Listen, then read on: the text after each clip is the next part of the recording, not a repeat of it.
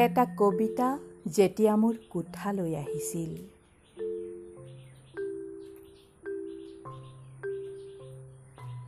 কোঠাটোত অকলে আছিলোঁ। বহু সময় একেৰাহে মনতে পাগুলি আছিলোঁ কিছুমান বনৰীয়া শব্দ। মাজনিশা হঠাতে দুৱাৰত টোকৰ শুনি মই সুধিলোঁ কোন আহিছা এই ৰাতি? দুৱাৰখন খুলি দিলোঁ।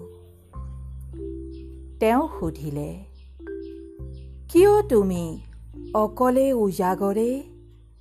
কাৰ বাবে এনেদৰে? মই ক'লোঁ মই আছোঁ মোৰ সতে। একোকে নকৈ আগন্তুক গুচি গ'ল অহা বাটে দুৱাৰখন বন্ধ কৰি উভতিলোঁ। কোন বা আছিল তেওঁ? আহিছিল কিয় বা? জিৰণি ললো বহু পৰ একেৰাহে।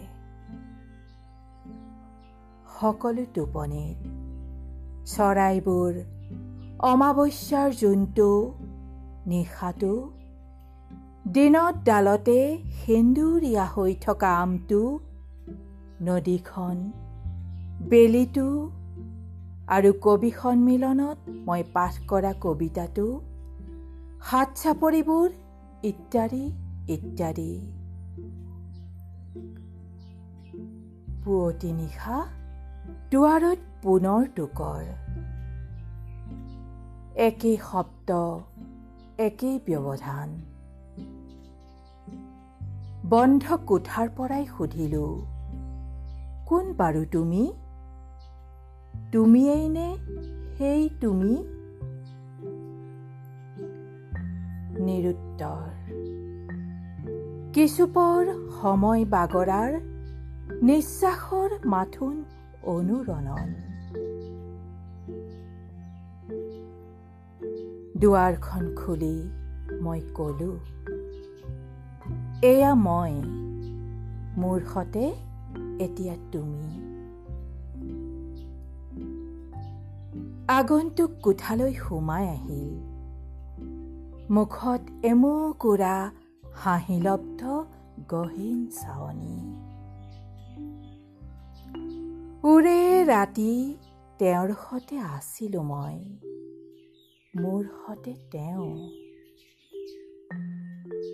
বন্ধ কোঠাত আছিলোঁ ব্যস্ত।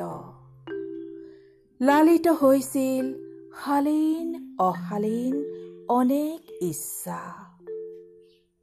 জন্ম হৈছিল এটা কবিতাৰ।